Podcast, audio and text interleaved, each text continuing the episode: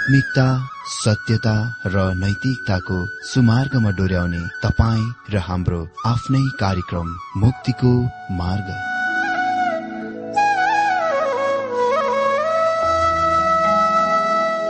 आदरणीय श्रोता यस मुक्तिको मार्ग कार्यक्रममा हार्दिक स्वागत छ।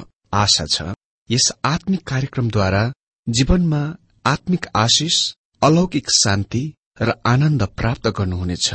र जीवनमा धन्य अनुभव गर्नुहुनेछ। आउनुहोस् श्रोता।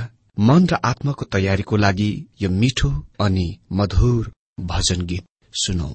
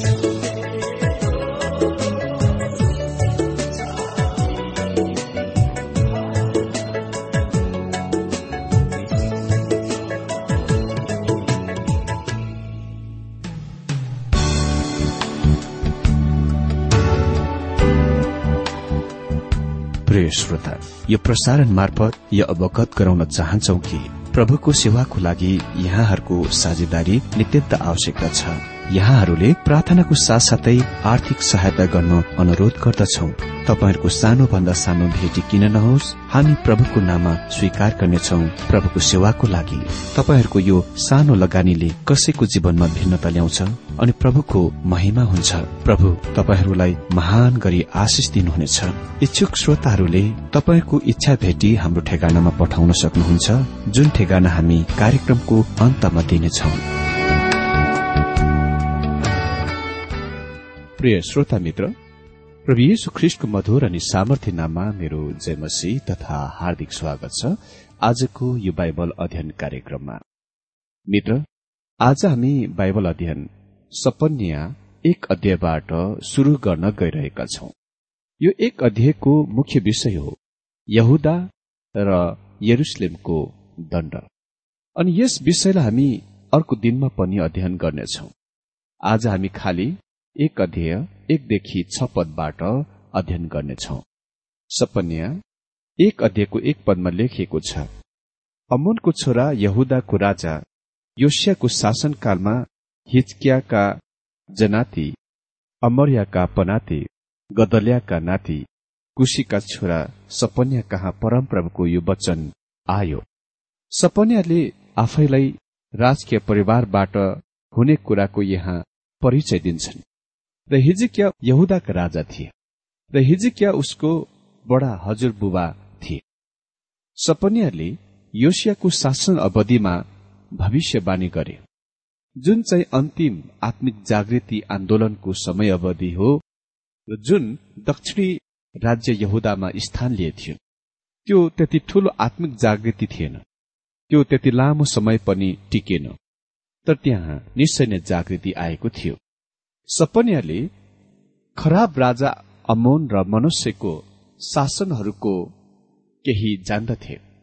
उसले देखे कि त्यस राष्ट्रमाथि र आफ्ना मानिसहरूमाथि दण्ड आइरहेको थियो र उसको सन्देश अति नै धेरै कठोर प्रकारको छ। दुई पदमा लेखेको छ पृथ्वीबाट म सबै थोक ध्वंस पार्नेछु परमप्रभु घोषणा गर्नुहुन्छ। यो निश्चय नै अति नै कडा भाषण हो। र कडा भाषा हो।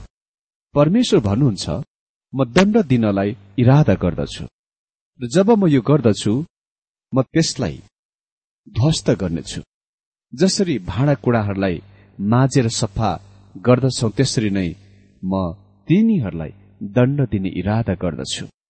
मित्र यस भविष्यवाणी हामी देख्छौ कि यो दण्डले खालि इसरायलको मुलुकलाई मात्र ढाक्दैन। यो चाहिँ विश्वव्यापी विध्वंस हो। यो नै यहाँ भविष्यवाणी गरिएको छ। प्रकाशको पुस्तकले यसको पुष्टि गर्दछ।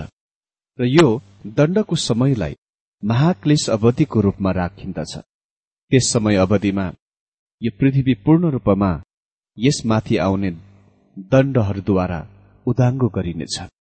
यो चाहिँ हजार वर्षीय राज्य ल्याउन र पृथ्वीलाई नवीकरण गर्न भन्दा पहिले स्थान लिनेछ।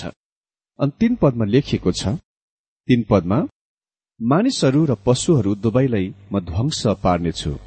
आकाशका पंक्षीहरू समुद्रका माछाहरूलाई म ध्वंस पार्नेछु। म पृथ्वीबाट मानिस जातिलाई नष्ट पार्नेछु र दुष्टहरूका निम्ति ढुङ्गाको रास मात्र हुनेछ परमप्रभु घोषणा गर्नुहुन्छ। मानिसहरू र पशुहरू दुवैलाई म ध्वंस पार्नेछु। यहाँ सबै जीवित प्राणीहरू यो दण्डमा सम्मिलित भएका छन्। मैले सुनेको थिएँ कि इसरायलमा तिनीहरूसँग गालिलको समुद्रको आसपासमा चिडियाघर छ। तिनीहरूले ती सबै पंक्षी पशुहरूका जम्मा गर्न प्रयत्न गरिरहेका थिए जुन बाइबलका दिनमा अस्तित्वमा थिए र तिनीहरूलाई यस चिडियाघरमा राख्न कोसिस गरिरहेका थिए। निश्चय नै जब इसरायलका जनसंख्या बढ्छ उही कुरा घट्नेछ जस्तो अन्य राष्ट्रहरूमा भएको छ। निश्चित जनावरहरू र जन्तुहरूलाई सर्वनाश गरिनेछ। पृथ्वीबाट लोप हुनेछ। परमेश्वर भन्नुहुन्छ बिल्कुल यही नै कुरा हुन गइरहेको छ जब उहाँले पृथ्वीलाई र मुलुकहरूलाई दण्ड दिनुहुनेछ। यो अति नै कठोर दण्ड हुनेछ। चार पद। म यहुदाको विरूद्धमा र यरुसलेममा बस्नेहरू सबैको विरूद्धमा मेरो हात पसार्नेछु। यस ठाउँबाट बाल देवताका बच्चेका हरेकलाई प्रतिमा र देवता पुज्ने पुजारीहरूको नौ निशानै मेटिदिनेछु। म यहुदाको विरूद्धको विरुद्धमा यरुसलेममा बस्नेहरू सबैको विरूद्धमा मेरो हात पसार्नेछु। परमेश्वरले अहिले यो स्पष्ट पार्नुहुन्छ कि यहुदा र यरुसलेमलाई दण्डको लागि अलगाइएको छ। यस ठाउँबाट बाल देवताको बच्चेका हरेकलाई प्रतिमा र देवता पुज्ने पुजारीहरूको नौ निशानै मेटिदिनेछु। ओ मित्र त्यस मुलुकमाथि दण्ड ल्याउने कुरा बिल्कुल निश्चित र पक्का छ। त्यो प्रतिमा पूजा हो। हबकुकको भविष्यवाणीमा परमेश्वरले पाँच धिकारहरूको उल्लेख गर्नुहुन्छ जुन उहाँ तिनीहरूले गरेका पापहरूको कारण उहाँले ती मानिसहरूमाथि ल्याउन गइरहनु भएको थियो। प्रतिमा पूजा चाहिँ अन्तिम पाप थियो। यो पाँचौं धिकार थियो।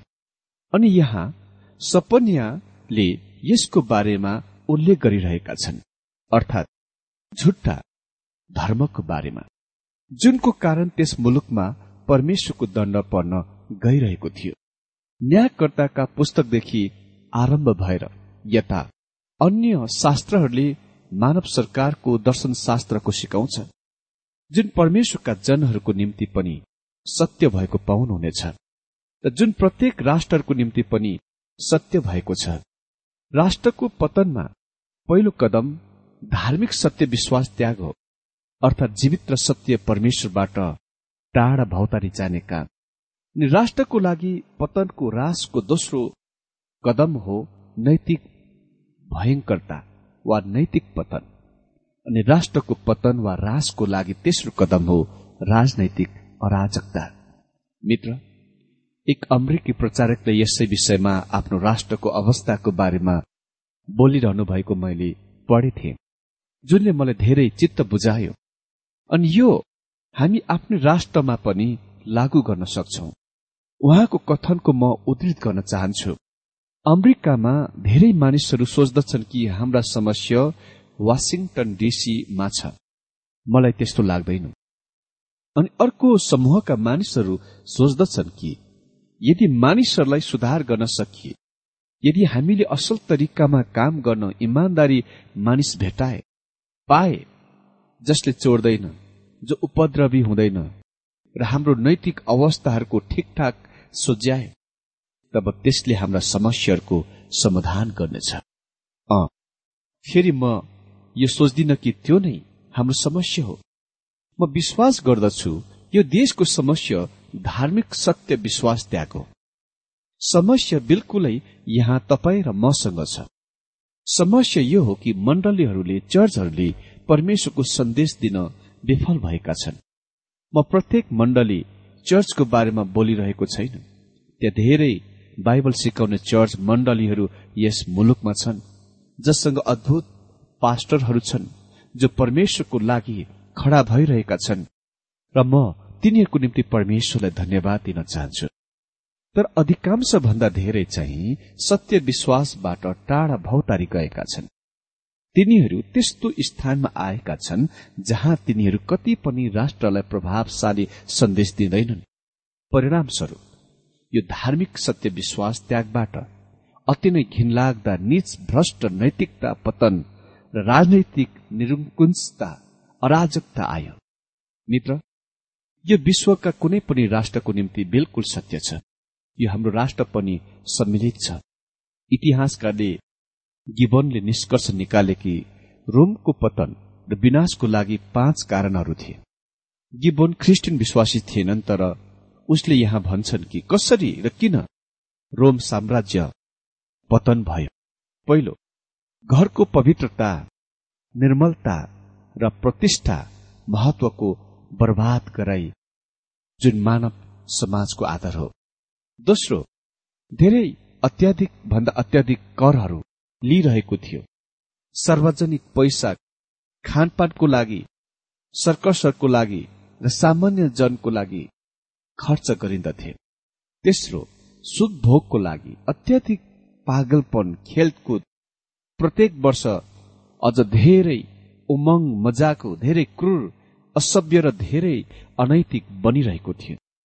चौथो ठूला ठूला युद्धका सामग्रीहरू हात हतियारहरूका निर्माण। जब महान शत्रु चाहिँ तिनीहरूभित्रै थियो अर्थात् व्यक्ति विशेषको उत्तरदायित्वको पतन। पाँचौं धर्मको पतन। खालि धर्मविधि रीति थिति संस्कारको बाह्य पालन अनि मानिसहरूलाई अगुवाई गर्न शक्तिको गुमाई। सपन्याको सन्देशले मानव सरकारको यो शास्त्रीय सिद्धान्तको पूरा गर्दछ र उसले आफ्नो औलाले दक्षिणी राज्य यहुदाको अभ्यासका ठिक उचित स्थानमा औल्याउँदछन् अर्थात् प्रतिमा पूजा। सपनाले देखे कि के भइरहेको थियो भन्ने कुरा। मानिसहरू पतनको ढोकामा थिए र दण्ड तिनीहरूमाथि आइरहेको थियो। मित्र जब कुनै राष्ट्र जीवित र सत्य परमेश्वरबाट भौतारी जान्छ टाढा जान्छ वा जब त्यसले महान नैतिक सिद्धान्तहरूको त्याग्दछ जुन धर्ममा आधारित थिए जब त्यो प्रतिमा पूजामा जान्छ यी कुराहरूले अन्तिममा अति नै भ्रष्ट निच अनैतिकतातिर डोर्याउँछ र राजनीतिक अराजकतातिर डोर्याउँछ। चाखलाग्दो कुरा यो छ कि म विश्वास गर्दछु हामीलाई तीन प्रकारको प्रतिमा पूजाको दिइएको छ। म यस ठाउँबाट बाल देवताको नौ निशानै मेटिदिनेछु प्रतिमा पूजाको पहिलो रूप चाहिँ बालको पूजा थियो जुनको उत्तरी राज्य इसरायलमा इजिबेलद्वारा परिचय गरिएको थियो। जसका पिता चाहिँ सिद्धोनीहरूको बीचमा बाल पूजाका प्रधान पुजारी थिए। दक्षिणी राज्य यहुदामा बालको पूजा चाहिँ लोकप्रियता बनाइएको थियो र बालका वेदीहरू मनुष्यका राज्य शासन अवधिमा बनाइएको थियो। यो नै एक उदाहरण हो जुनले नमुना सहित स्पष्ट पार्दछ किन उही समयमा मिल्दो जुल्दो शास्त्रको भविष्यवाणी र ऐतिहासिक पुस्तकहरूको खण्डहरू अध्ययन गर्ने काम अद्भुत हुनेछ। यस बिन्दुमा मनुष्यको शासनको पृष्ठभूमिको पढ्न अति नै धेरै मदतगार हुनेछ। यो हामी दोस्रो इतिहास तेत्तीस अध्यायमा देख्छौ। कुनै पनि राजा कहिले पनि यस पागल मनुष्य राजा जति टाढा परमेश्वरबाट भौतारी गएको थिएन। उसले बालको पूजाको पुनः परिचय गराए जुन पूजा आराधनाको अति नै अनैतिक विधि वा ढंग थियो। बालको पूजासँग असोरेतको पूजा पनि थियो। जब ईश्वरत्वमा स्त्रीलिङ्ग प्रमुखताको परिचय गरिन्दछ तपाईँसँग अति नै निच भ्रष्ट अनैतिकता छ अनि त्यो निश्चय नै यस अवधिमा त्यस राष्ट्रको जीवनमा आएथ्यो त्यसकारण बालको पूजा प्राकृतिक पूजाको ढंग थियो र त्यो वास्तवमा अति नै क्रूर अभ्यास थियो। जब योसिया राजा बने उनी असल राजा थिए उसले गरेका प्रथम काम बालको पूजा हटाउनु कोसिस थियो। भनिएको छ प्रतिमा र देउता पुज्ने पुजारीहरूको नौ निशानै मेटिदिनेछु या उल्लेखित पुजारीहरू चाहिँ वास्तवमा जादु टोना अभ्यास गर्ने पुजारीहरू थिए। तिनीहरू काला पुजारीहरू थिए। तिनीहरूले काला कपडाहरू लगाउँथे। अनि यदि तपाईँले शैतानका पूजामा लिप्त भएका मानिसहरूले कालो पोषक लगाएको देख्नुहुन्छ। यो कालो पोषक लगाउने प्रथा यी पुजारीहरूबाट प्रचलित भएर आएको थियो जसले काला पोषक लगाउँथे। सपन्याले भन्छ यी पुजारीहरूलाई दण्डित गरिन्दछ। पाँच पद। घरका कौशीहरूमाथि नक्षत्रहरूको पूजा गर्नेहरूलाई परमप्रभुको र मलोकको पनि शपथ खाँदै न्यौरनहरूलाई घरका कौशीहरूमाथि नक्षत्रहरूको पूजा गर्नेहरूलाई पनि। सपन्याले अहिले प्रतिमा पूजाको दोस्रो रूपको उल्लेख गर्दछन् जुन त्यस मुलुकमा प्रचलित भएको थियो। यो अति नै धुर्त चतुर र वास्तवमा अति नै खतरनाक थियो। तिनीहरूका कौशीहरू फराकिला थिए र आज पनि यो हामी इसरायलमा देख्छौ। यो नै स्थानमा परिवारहरू साँझमा भेला हुँदथे।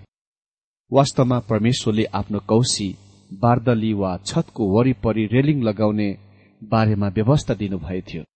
ताकि कोही पनि त्यहाँबाट नखसोस्। सपनियाले भन्छ कौशीहरू वा छतहरू चाहिँ पूजाको स्थान बन्यो।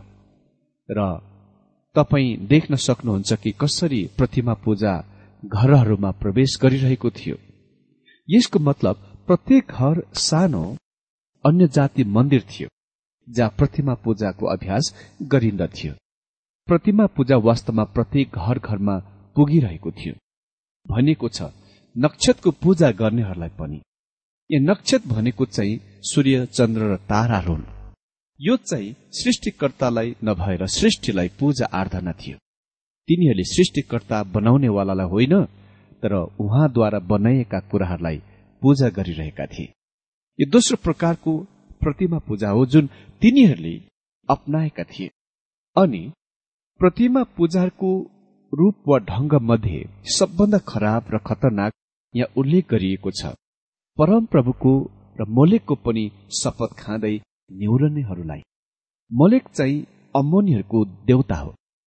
यो त्यो पूजा थियो जुनमा तिनीहरूले वास्तवमा आफ्ना बच्चाहरूलाई जिउँदै बलिदान गर्दथे। त्यस्तो भयंकरता चाहिँ यो थियो कि उही समयमा तिनीहरूले जीवित र सत्य परमेश्वरलाई पनि पूजा आराधना गरी टोपल्थे तिनीहरू मन्दिरमा जान्थे। तिनीहरूले भन्थे तिनीहरू परमप्रभुलाई जान्दथे र तिनीहरू परमेश्वरमा विश्वास गर्दथे। तर तिनीहरूले मोलेको पनि पूजा गर्दथे। तिनीहरू ती दुवै काम गरिरहेका थिए। यो धूर्त कुरा हो जुन आज पनि स्थान लिइरहेको छ वा भइरहेको छ। आज त्यहाँ धेरै विश्वासीहरू र मण्डली भनाउँदाहरू छन् जुन वास्तवमा यही नै गरिरहेका छन्। म तिनीहरूलाई कति पनि विश्वासीहरू वा मण्डली भन्न मन पराउँदैन। सत्य मण्डली वा विश्वासीहरू एक व्यक्तिको वरिपरि बनिएको छ अनि त्यो व्यक्ति चाहिँ येसु ख्रिस्ट हुनुहुन्छ। प्राचीन पहिलो शताब्दीका मण्डलीहरू उहाँको आराधना गर्न र उहाँको प्रशंसा आदरमान गर्न उहाँलाई अझ निकटबाट जान्न र उहाँसँग संगति गर्न एक ठाउँमा भेट्दथे।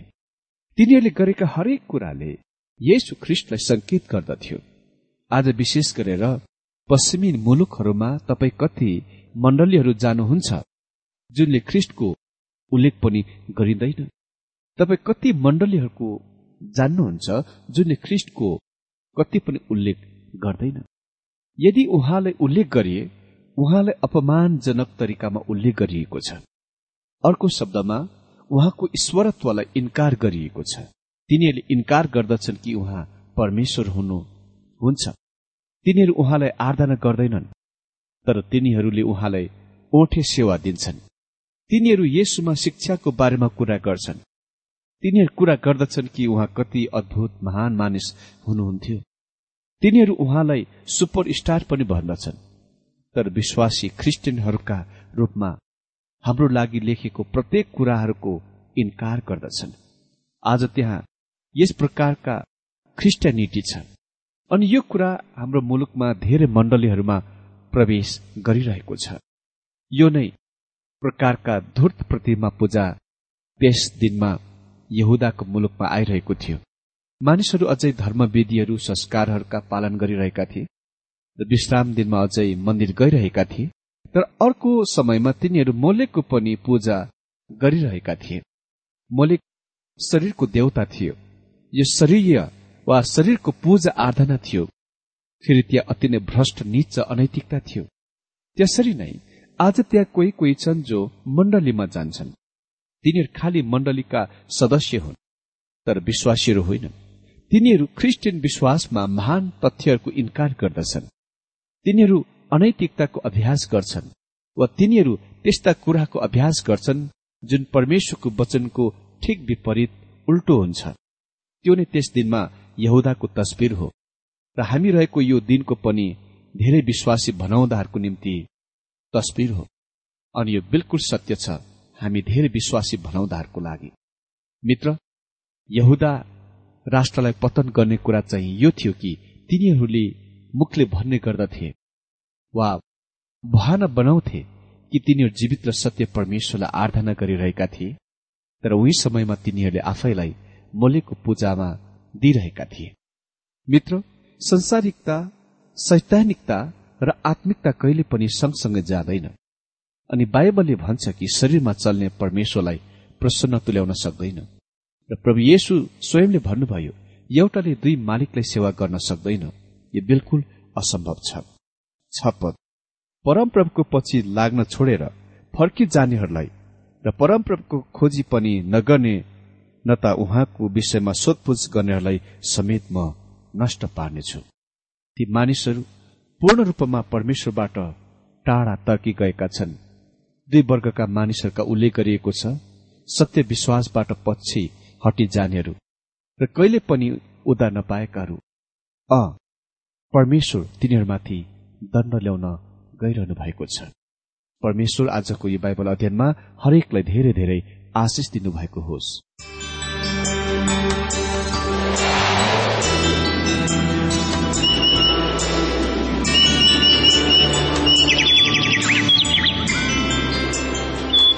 प्रिय श्रोता अहिले भर्खरै तपाईँले टीडब्ल्यूआर नेपालद्वारा सञ्चालित आत्मिक कार्यक्रम मुक्तिको मार्ग सुनिरहनु भएको थियो। श्रोता आजको यो कार्यक्रम सुनेर तपाईँलाई कस्तो लाग्यो? यदि यो कार्यक्रम सुनेर मनमा कुनै खुल्दुली वा कुनै प्रतिक्रिया अर्थात सुझावहरू छन् भने हामीलाई पत्रद्वारा लेख्न सक्नुहुनेछ।